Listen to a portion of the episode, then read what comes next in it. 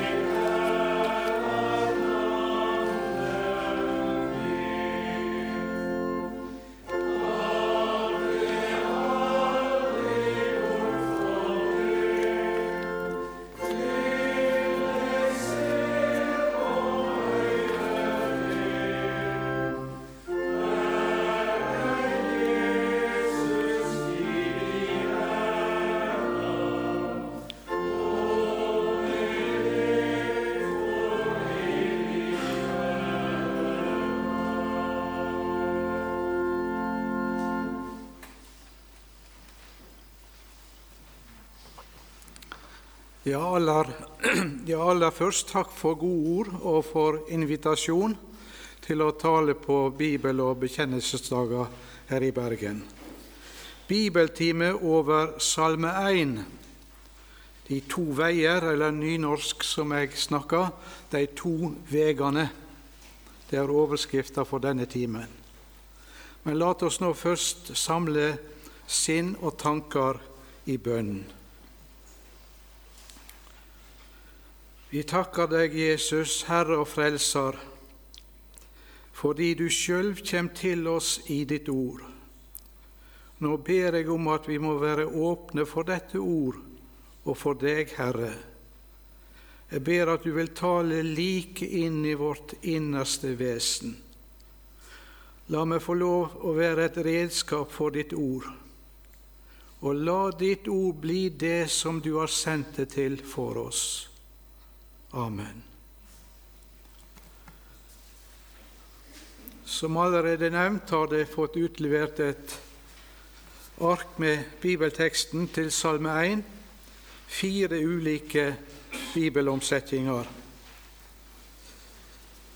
Jeg leser fra Norsk bibel, nynorsk, 1994, Salme 1. Sel er den mannen som ikke ferdast etter råd fra gudløse mennesker, og ikke står på vegen sammen med syndarar og ikke sitter i sete med spottarar, men har si lyst i Herrens lov og grunner på Hans lov dag og natt. Han skal være like tre, planta ved rennende bekker. Det gjev si frukt i si tid, og bladet på det visnar ikke. Alt det han gjør, skal han ha lukke med. Slik er det ikke med de gudløse. De er lik agner som vinden bles bort. Derfor skal ikke de gudløse stå seg i dommen, og ikke syndere der de rettferdige samlast. For Herren kjenner vegen til de rettferdige, men vegen til de gudløse fører til undergang. Amen. Med rette er Salme 1 kalla salmen om de to vegene. Det er bare to veger gjennom livet. Den ene fører til Gud. Den kommer fra Gud og fører til Gud. Den blir kalla de rettferdige sin veg. Den andre vegen går utenom Gud. Det er de gudløse de ugudelige sin veg. Den fører bort fra Gud og i evig fortaping. Og noen tredje veg finst ikke for oss mennesker. Denne salmen er altså om de to vegene. Salme 1 kan vel stå som overskrift over hele denne boka, salmene i Det gamle testamentet. Vi kan få lov å lese den som ei innledning til, ja, som hoveddøra inn til alle de andre salmene. Kanskje har en tidligere også regna både Salme 1 og Salme 2 som en egenskap, som én salme, som inngangspartiet, som sammen vil føre oss inn i salmene men det går jeg ikke inn på nå. Når en leser denne salmen og møter uttrykket 'salig den mann som', så er jo det første inntrykket så er jo det første inntrykket at det sikter til alle som handler slik og slik. Og det er jo naturligvis riktig. Det er ingen tvil om at, men det er ingen tvil om at det også finnes andre djup, andre dybder, i denne salmen. Salmen begynner med å tale om den rettferdige, han som går på den rette vegen. Salig er den mannen som ikke vandrer etter råd fra ugudelige, og ikke står på vegen til syndere, og ikke sitter i spottere sitt sete. Samtidig som er det tale om den rettferdige, blir det sagt noe om de som går på den ugudelige sin veg. Her er ei tydelig utvikling i ugudelighet. Det begynner med å vandre i ugudelige sine råd, eller etter ugudelige sine råd. Det fortsetter med at en er stoppa opp på denne vonde veien og står på syndere sin vei. Og så ender denne utviklinga med at en set, sitter Jeg fått putta inn noen bokmålsord òg i spottere sitt sete. Det er en karakteristikk av de ugudelige sin veg som er gitt her. Her er den gitt negativt fordi det er nettopp den vegen som den rettferdige ikke går på og salig er den mann som ikke er på denne vegen.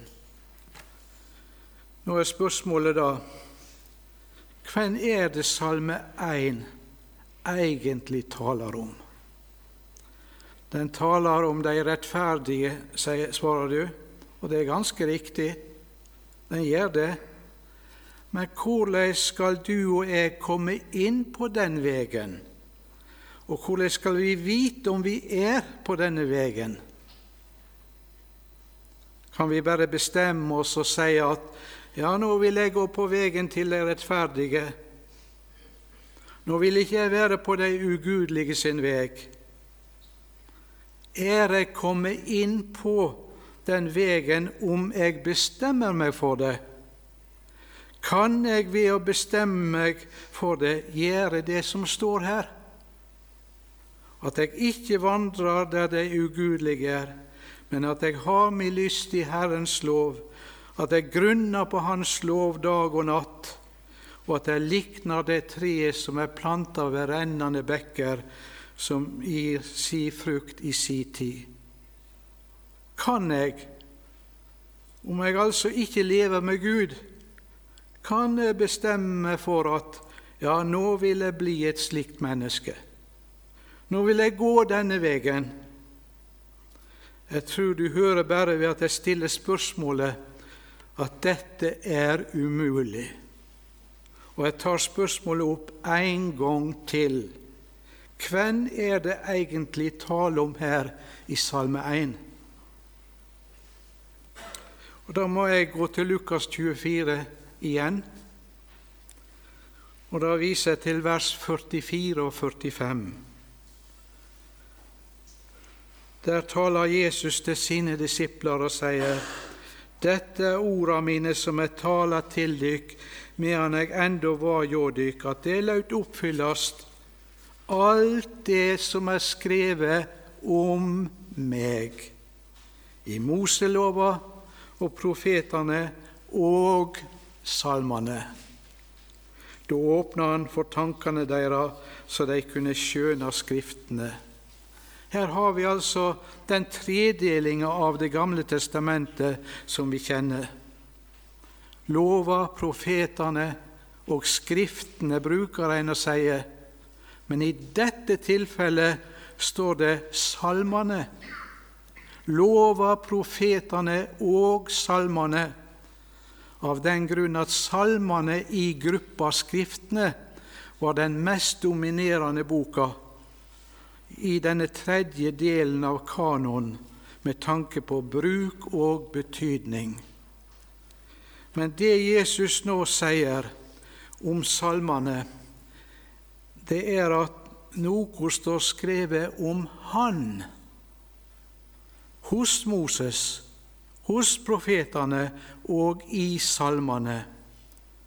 Det betyr at Jesus sjøl mener at en misforstår salmene om en ikke ser det som ei bok om Han. Altså om en ikke ser hans bilde. En skulle kunne si det overalt i salmene, så leser en salmene på en annen måte enn det Jesus sjøl gjør.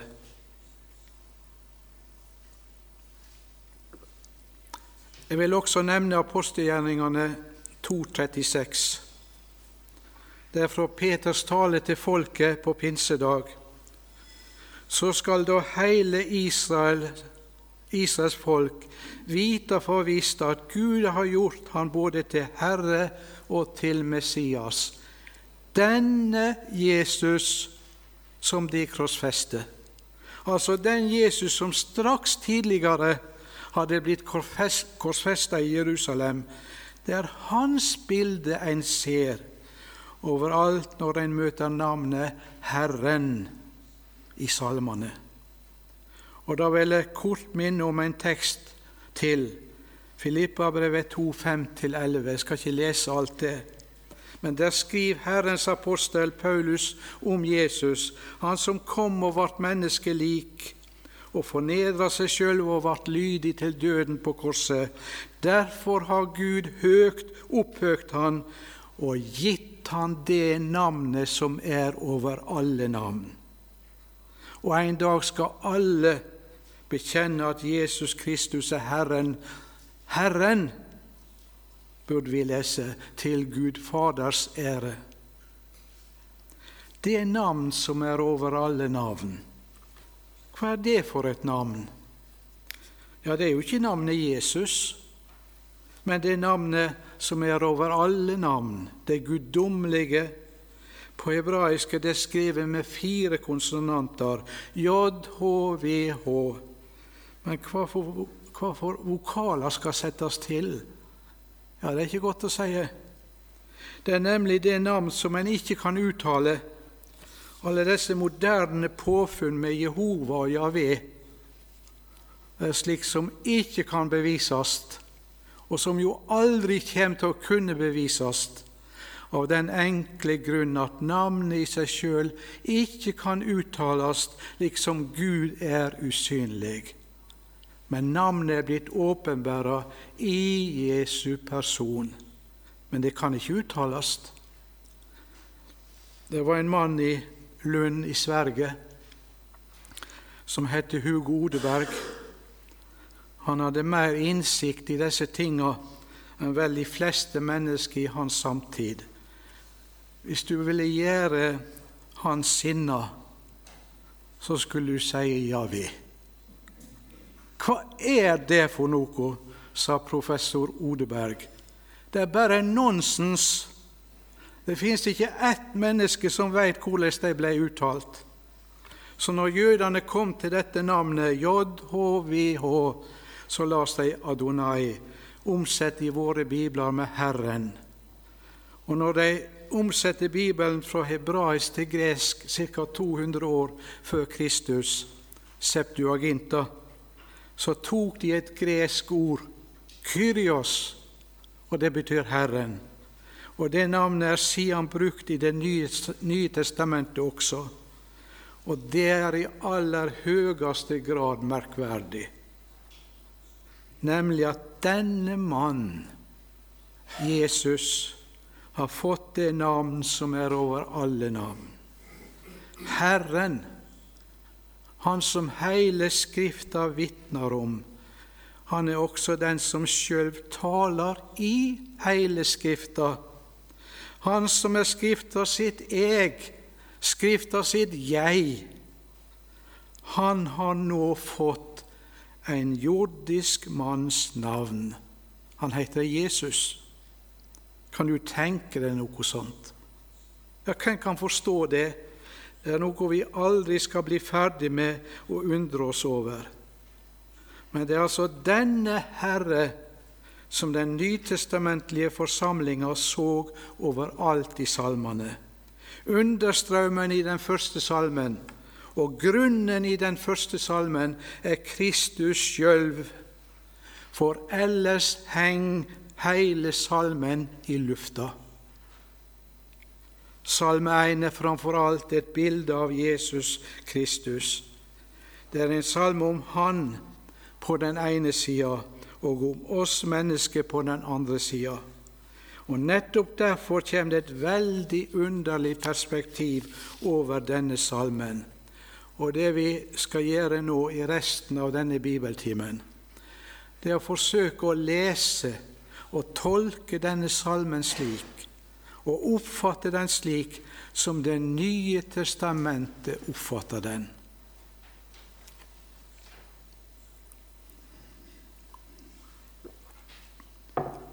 Vers 1.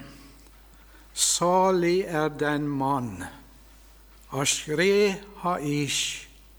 Salig eller lykkelig den mann som Og det hebraiske ordet der svarer til saligprisningene i Matteus 5 i bergpreika, der Jesus sier 'Salige de som' Makarioi hoi. Ordet makarios, salig, det har ikke noe med følelser å gjøre. Det betyr å være i en lykkelig tilstand. Ja, den mest gunstige og lykkelige tilstand som et menneske kan være i. Salig er den mannen som ikke vandrer etter råd fra ugudelige mennesker. I Bibelen er det slik at alle mennesker etter fallet er nettopp slike som vandrer i de ugudelige sine råd.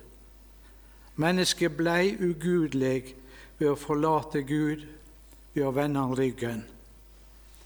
De ugudelige sine råd, det er de tanker, de planer, som bor i mennesket sine hjerter, som har vendt Gud ryggen.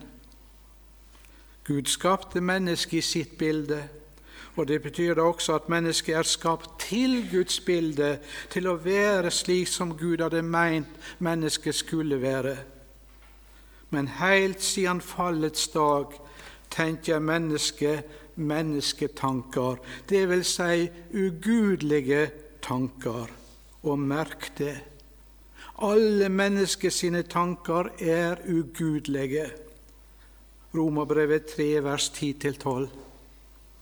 Det fins ikke én rettferdig, ikke én eneste. Det fins ikke én som er forstandig. Det fins ikke én som søker Gud. Alle har veket av, alle er blitt udugelige. Det fins ikke noen som gjør det gode, ikke en eneste. Men det fins én. Og det er det bildet som først og fremst stråler fram her. Det er bare én i menneskeslekta som ikke har vandra i de ugudelige sine tanker, etter de ugudelige sine råd. Dette ordet passer djupest sett bare på én en eneste, Herren sjøl, Jesus Kristus. Det er bare ett menneske som har gått denne veien til de rettferdige helt ut. Det er bare ett menneske som ikke har vært på de ugudelige sin vei. Han som bar hele verda si skyld og synd, han var sjøl uten synd. Han som bar lidinga av alle mennesker sine rådslagninger og tanker, han var sjøl fri fra mennesketanker. Og På samme måte er det når vi kommer til dette å ikke stå på veien sammen med syndere som ikke går på synderveg. Bibelen 2011 nynorsk.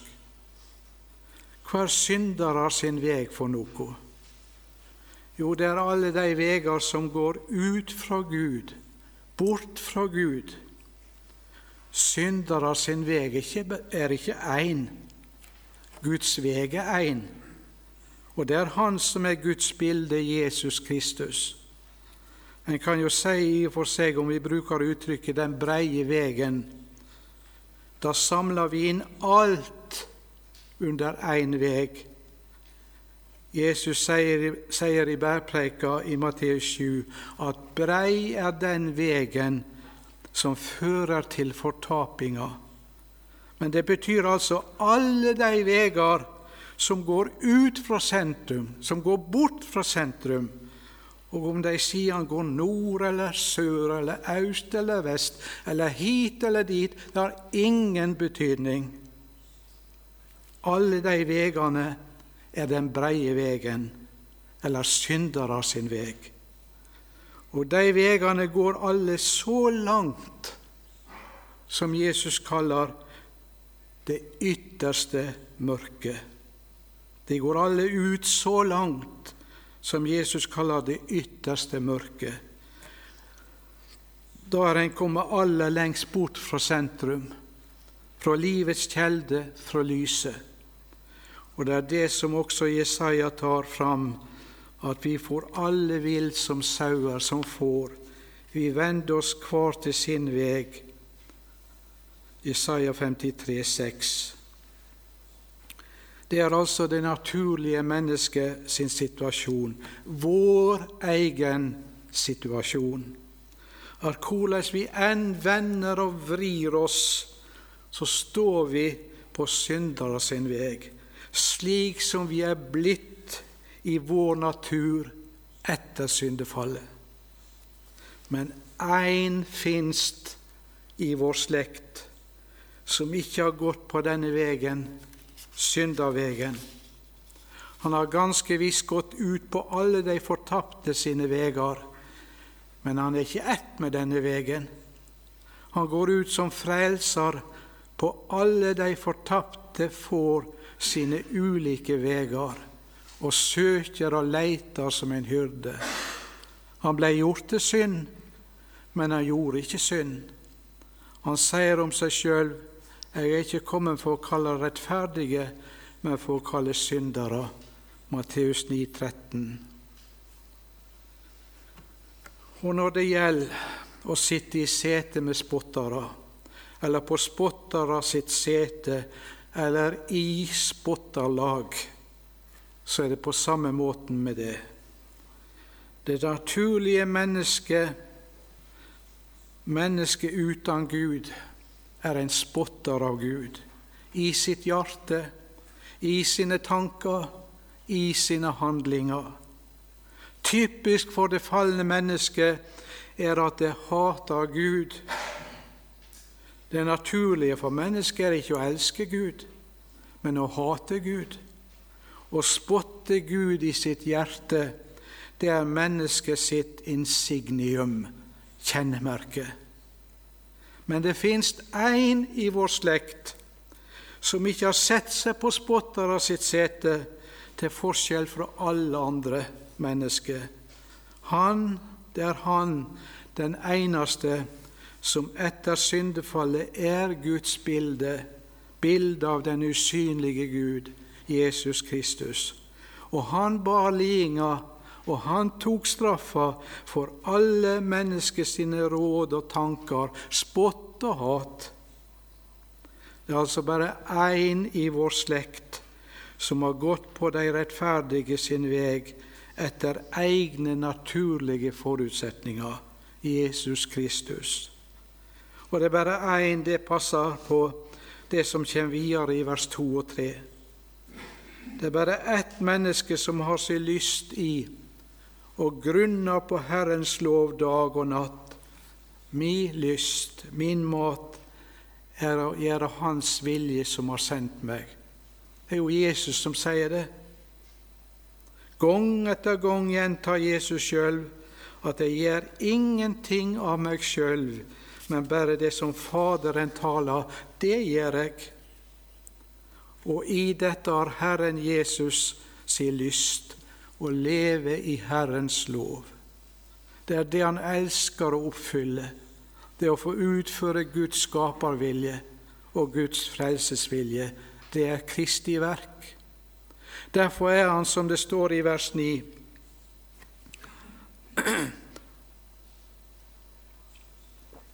Derfor er han, som det står i vers 3, et godt tre. Ja, i denne verden fins det bare ett godt tre. Ett friskt tre, og der bladet ikke visner. Og fra dette eneste Kristustreet kjem det bare god frukt. Og han ber si frukt i si tid. Det er et viktig ord. Alt det som er skapt av Gud, har si bestemte tid. Det hebraiske ord som er brukt her, svarer til det greske kairos, som betyr det rette øyeblikket for ei viss sak. Vi har det i Forkynneren kapittel 3, vers 1-2. Alt har si tid. Det er ei tid for alt som hender under himmelen, ei tid for å fødast, ei tid for å dø, ei tid for å plante, ei tid for å rive opp. Vers 4-5. Ei tid for å gråte, ei tid for å le. Ei tid for å sørge, ei tid for å danse. Vers 8. Ei tid for å elske, ei tid for å hate. Ei tid for krig og ei tid for fred. Om et barn blir avla, så kan vi ikke si at det skal ta tre måneder til det blir født. Det tar ni måneder, ni måneder eller der omkring. Alle ting skal ha si bestemte tid. Det gjelder f.eks. i naturen. Slik er det også med dette Kristustreet, den gode, den eneste gode i vår slekt. Han gir si frukt i si bestemte tid. Han kunne iblant si 'min time, min stund' er ennå ikke kommet. Og så kan han en annen gang si timen, stunda er kommet da menneskesonen skal herliggjøres. Han ber altså si frukt i rette tid. Og alt det han gjør, skal han ha lykke til. Det skal lykkes. Det lykkes vel, som det står i den svenske omsetninga på arket. Det er bare ett menneske for hvem noko Det er bare ett menneske for hvem ikke noe er mislykka, for hvem alt er i samsvar med Guds vilje, og som har fullført alt slik som det skal være etter Guds hellige vilje. Det er bare én, og det er Jesus Kristus. Det er jo et underlig ord at Alt hva denne Kristus gjør, det skal lykkes. Det lykkes vel. Og det betyr å lykkes i guddommelig mening. Når Jesus henger der på korset, hjelpeløs, uten makt, nedtyngd av vår synd, så sank du i vår jammer ned, så dypt som ingen vet, står det i en salme.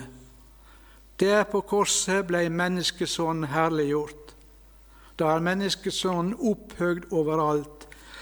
Da sier han, der på korset, da ble dette ordet oppfylt i guddommelig mening.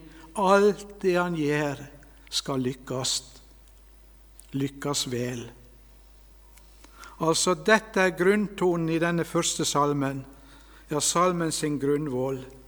Det er ei Kristusforkynning i dobbel mening, ei forkynning som taler fra Kristi hjerte, og det er en salme som maler Kristi bilde, som taler om Kristus. Og da er det også klart at Salme 1 er et ord om og til alle mennesker. Og da er det på tide å ta fram den mer vanlige utlegginga om at det finnes også mennesker som får lov til å lese denne salmen. Den er jo gitt til Israel, til det sanne Israel, til Guds folk, til Guds forsamling, til deg og meg. Og dermed er jeg atter en gang ved det spørsmålet hvordan kommer vi inn på den rettferdige sin veg? Jesaja 55, 7. Den ugudelige må forlate vegen sin og den urettferdige tankene sine og vende om til Herren. Så skal Han miskunne seg over han. Ved å vende om til Herren Jesus kommer vi inn der på den rettferdige sin veg. Ved trua på Jesus blir alt det som Jesus har gjort, det blir meg tilrekna. Så for Gud mangler det ingenting. Der står jeg rettferdig med ei rettferd som ikke grunner seg på mine gjerninger. Og det heiter om den rettferda i Filippabrevet 3,9. Det er ei rettferd som jeg får ved trua på Kristus, rettferda av Gud på grunn av trua. Den som er tilrekna denne rettferda, har fått Jesus inn i sitt hjerte. Han får et nytt sinn som er født av Gud. Og det sinnet som er av Gud, er også som Gud. Da vi kommet inn på Guds veg, som er Kristus. Vi får gå på denne vegen etter vårt nye sinn, og som er helt forskjellig fra vårt eget medfødte sinn. Når vi har fått det nye sinn, som er det samme som Jesus i oss, når Jesus bor ved trua i våre hjerter, da går vi ikke lenger på de ugudelige sin veg. Det første altså som blir sagt om dei som går på de rettferdige sin veg, er hva de ikke gjør. De gjør nemlig ikke det som folk flest gjør, vers 1. Men etter at det er sagt, så er det så underlig at det, egentlig, at det blir egentlig ingenting sagt om hva de rettferdige gjør.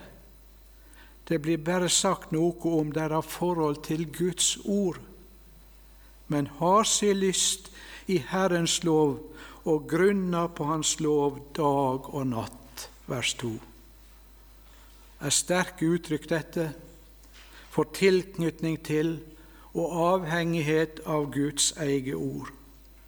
Om det da ikke blir sagt mye om deres gjerninger her, så blir det sagt desto mer om resultatet av deres forhold til Guds ord, Herrens lov. Ordet lov har i Det gamle testamentet ikke helt den samme betydning som i vårt dagligspråk. Det hebraiske ordet Torah betyr nærmere åpenbaring, rettleding, veiledning, undervisning, og er derfor nærmest det samme som Guds ord. Å ha sin lyst i og ha sin glede i Herrens lov. Etter mitt nye sinn blir det ei glede, en fryd, en leik som Hugo Odeberg skriver. Noe som en har sin store glede i. Da blir Skrifta rett mottatt. Da blir Skrifta mottatt slik som den er meint å bli tatt imot. Tenk når du har et matbord med de herligste rettene framfor deg, så er det ikke Guds mening at en skal sitte og sukke og spørre hvordan skal jeg nå ete all denne gode maten? Men en skal ta den til seg, nyte den og glede seg. Det er Skaperens mening.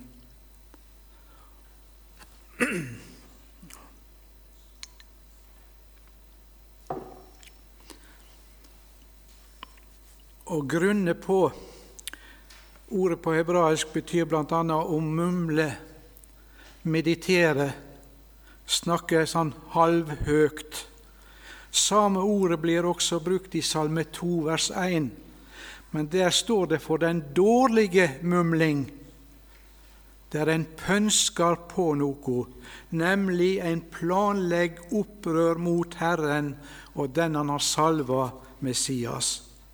Derimot her i Salme 1 så er det den gode mumling der en tilegner seg Guds ord, der en stadig har sin glede i Guds ord. Og dette skal en få lov å gjøre både dag og natt. En får gjøre det bestandig. En får lov å lese Den hellige Skrifta, om vi uttrykker det radikalt, også i søvne. Fordi nemlig, når mennesket leser Skrifta om dagen, så fortsetter Skrifta å lese seg sjøl også om natta. En lever i Skrifta si vær, både vakende og sovende. Og videre står det om den som går på denne vegen, vers 3. Han skal være lik et tre planta ved rennende bekker. Det gjev si frukt i si tid, og blada på det visner ikke. Alt det han gjør, skal han ha lykke til. Det er et viktig ord i denne sammenheng som ikke er noe tilfeldig uttrykk. Det er ordet 'planta'. I den betydning det står her, betyr det at det er ikke den opprinnelige staden der dette begynte å vekse, men det er tatt fra sin opprinnelige stad og planta ved rennende bekker. Bildet av rennende bekker er brukt om Guds ord i Skrifta. Vi er planta. Det er uttrykk for at vi mennesker vi er tatt ut av den naturlige sammenheng som vi hørte til da vi var på de ugudelige sin vei. Vi er planta av Gud sjøl, der Herrens eget ord er verksamt. Vi er planta fordi vi er født på ny. Da er vi planta slik av Herren sjøl, og da kommer det frukt. Jesus sier at den som er planta i Han, han bærer mye frukt. Uten meg kan det ingenting gjøre, det sier han. Men den som blir i meg, og jeg i han, han bærer mye frukt. Johannes 15. Og det skjer i si tid, i det rette øyeblikk, som jeg nevnte tidligere. Ikke den tid ikke den tida som greina bestemmer, men den tid som stammen og rota bestemmer. Og Skaperen han varierer bestandig det han gjør. Han lar ikke to mennesker bære samme frukt, selv om det er likskap. Skaperen elsker det individuelle i hvert menneske, slik at vi alle f.eks. har ulike fingeravtrykk, ulike blodlegemer, Uansett del i kroppen vi enn nevner, så er alle ting individuelt. Men slik er det også i det åndelige, at all åndelig frukt er individuell, er spesiell, og av Gud elska som spesiell. Og denne kjem for hvert menneske i si tid. Det er slett ikke slik at det er hastverk i Guds rike. Ikke mer hastverk enn når et barn skal bli født. Det skal ha si tid på seg. Mennesket behøver ikke springe for å bære frukt. Om en springer, så mister en rotfeste. Men om en står stille som greina sitter stille på treet, så kommer frukta. Det kan godt hende at en ikke ser noe før etter 10-15-20 år, men det er heller ikke vår sak. Som jeg sa tidligere, det fins bare ett godt tre i vår slekt, og det er kjernen i bildet av vintreet i Johannes 15. Det er Han, Herren, Jesus Messias, som bærer frukt gjennom sine truende. Bli meg, sier Jesus, så ber det frukt. Det er vår sak, så er det hans sak å sørge for resten. Hvis du tror at det framkaller passivitet, så må du tro om igjen. Bare legg merke til i Guds ord hvem det var som fikk utrette noe for Herren. Du blir ikke passiv men det blir en aktivitet av en helt annen art enn den som kommer fra det gamle, fra det naturlige mennesket, og som består i å henge i og henge i. Du kan skjønne at det har Herren aldri kalla oss til. Men der Guds ord kommer inn i et menneske sitt hjerte, der bærer et menneske frukt for Gud. Det blir ei frukt som varer. Det blir ei god frukt. Det blir ei velduftende frukt, ei velsmakende frukt, ei nærende frukt.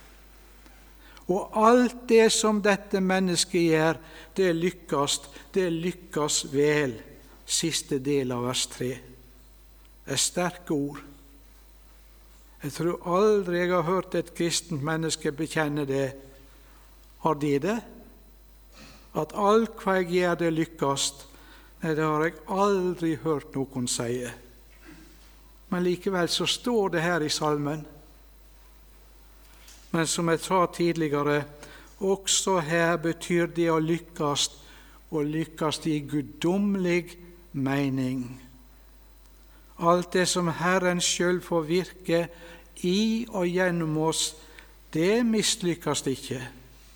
Det vi sjøl prøver på, også som kristne, ut fra våre forutsetninger, det mislykkes nok, og det skal mislykkes. Det er Guds mening, det. Men det som Herren verker, det som er resultatet av Guds ords gjerning i og gjennom oss, det lykkes. Jeg viser også til Romerbrevet 8,28. For vi veit at alle ting verker sammen til gode for de som elsker Gud, de som etter Hans råd er kalla. Alt vi møter på vår vei gjennom livet, det tenker Gud til det gode. Det må tjene Hans truende, og slik lykkes alt vel. Det er jo ofte mennesker som har levd i de aller vanskeligste jordiske forhold, som på en særskilt måte har lest disse salmene i Skrifta, og i disse har funnet slik uendelig trøst og styrke, også i de aller vanskeligste forhold. Og nettopp disse som har vært mer prøvd enn andre mennesker, at verre sykdommer, verre plager, at større motgang i livet og er blitt verre plaga av det gamle mennesket, de har fått en lovsang som har steget opp så mye reinere, så mye mer ekte, så mye mer glad enn mennesket til vanlig har kunnet.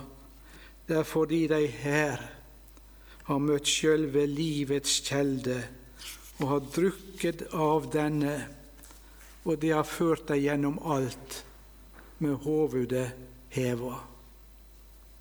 Sånn er det ikke med de ugudelige, står det videre i vers 4.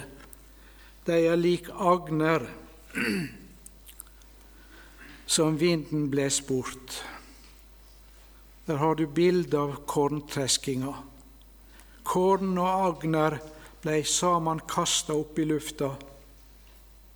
Vinden blåste bort agnene, mens det tunge kornet fall ned.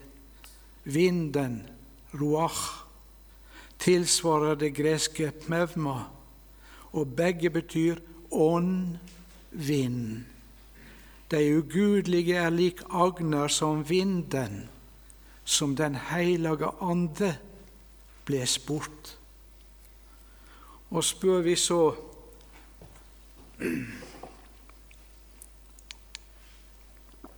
Og spør vi så hva er resultatet av de ugudelige sitt liv? Så er svaret ingenting. Ingenting verken for medmennesket eller for Gud og Hans rike. Agner som blir spredde for vinden, utretter ingenting. Mennesket kan være travelt opptatt med å gjøre godt menneskelig sett, og det skal vi ikke tenke smått om Matteus 7,11. Men sluttresultatet blir ingenting likevel. Der ser du forskjellen på de som er planta ved de rennende bekkene, de som har det riktige forhold til Herrens ord, og på de som lever utenom dette ordet. Og når vi så kommer til Guds dom, da ser vi det aller best. Det står i vers 5 at det ugudelige kommer ikke til å bli stående i dommen. Her står det faktisk i den hebraiske grunntekst at de ugudelige skal ikke oppstå i dommen. Og Det betyr altså at de skal ikke stå opp til livet. Eller de skal ikke få del i livets oppstandelse, Johannes 5, 29, men stå opp til dom, stå opp til dommens oppstandelse. Det betyr at de blir fordømt i dommen, og at de går fortapt. På samme måte er det med syndere. De blir ikke stående i forsamling av de rettferdige. De begynner allerede her på jord, i samfunnet av de hellige, de hellige samfunn, men som en gang når sitt mål i det fullkomne Guds rike. Vers 6. For Herren kjenner vegen til de rettferdige, men vegen til de ugudelige går til grunne, fører til undergang, fører til fortaping.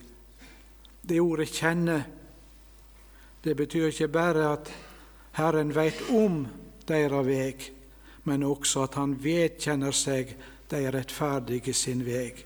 Og det betyr at Herren er den som bevarer de rettferdige sin veg. Han har omsorg og livsfellesskap med dem. Den vegen de går på, de som kalles de rettferdige, den vegen er av Gud. Den er gitt av Gud, den er lagt av Gud. Det er Jesus sjøl som er denne vegen, han som sier 'Jeg er vegen, sanninga og livet'. Kristne mennesker spør ofte 'Hvordan skal jeg vite at jeg er på rett veg?' Hvordan skal jeg vite at jeg nå går rett? Og hvordan skal jeg vite hva slags yrke, arbeid jeg skal ha? Og ikke minst kommer spørsmålet om livsledsager, ektefelle. Svaret er jo veldig enkelt, egentlig, om enn det ofte kan være kamp, for det hører med til trua sin gode strid. Svaret er at den som er i Kristus, som vandrer i Kristus, han er alltid på rett veg. Den som er på vegen, den er alltid på rett veg. Et kristen menneske kan ta feil i mange ting, men så lenge han er på vegen, så har han hele tida en himmelsk far hos seg, som fører sitt barn tilbake om en skulle ta feil. Salme 119, det siste verset, vers 176. Jeg har fare vill, Leit opp din tjener som en bortkommen sau, for jeg har ikke glemt dine båd. Men vegen til de ugudelige derimot fører til undergang. For den vegen kjenner Herren ikke, og vedkjenner Herren seg ikke. Den fører til fortaping. Det er ikke noe i vår bibel som er så vanskelig som det. Å tenke på det at mennesker som vi kjenner godt, gode mennesker, hyggelige og flinke og vennlige, og noen ikke så vennlige Noen av dem er tett på oss, men de kjenner ikke Jesus, og derfor går de rundt og ber på ei evig nød. Det er ei skjult, usynlig side ved livet deres. De ber på ei evig nød. Det er ikke til å holde ut og tenke på. Og det meste av tida så fortrenger vi det, og kanskje er det også slik at Kanskje er det også at slik er Gud barmhjertig mot oss. Det er kun Gud sjøl som kan bære den smerte som fortapinga er. I det fullkomne Guds rike er det ikke lenger smerte og sorg, står det. Heller ikke den sorga som så mange ikke kan forestille seg, kan tas bort. Smerte over de som ikke nådde målet. For det er kun i dag Gud deler sin smerte med sine barn over de som lever borte fra Han. I evigheten vil Gud kun dele sin glede med sitt folk. Og så blir da spørsmålet til slutt dette, bare dette ene. Hva veg er vi på? Sentrum i denne salmen er vel dette å ta vare på Herrens ord, både dag og natt. Og å bevare Herrens ord, det er å bevare Kristus sjøl så tar Han vare på oss. Og det er til sist å lykkast. Lykkast Guds ord i vårt liv, så lykkast livet i Guds øyne. Ære være Faderen og Sønnen og Den hellige Ande, som var og er og være skal, en sann Gud fra evig og til evig. Amen.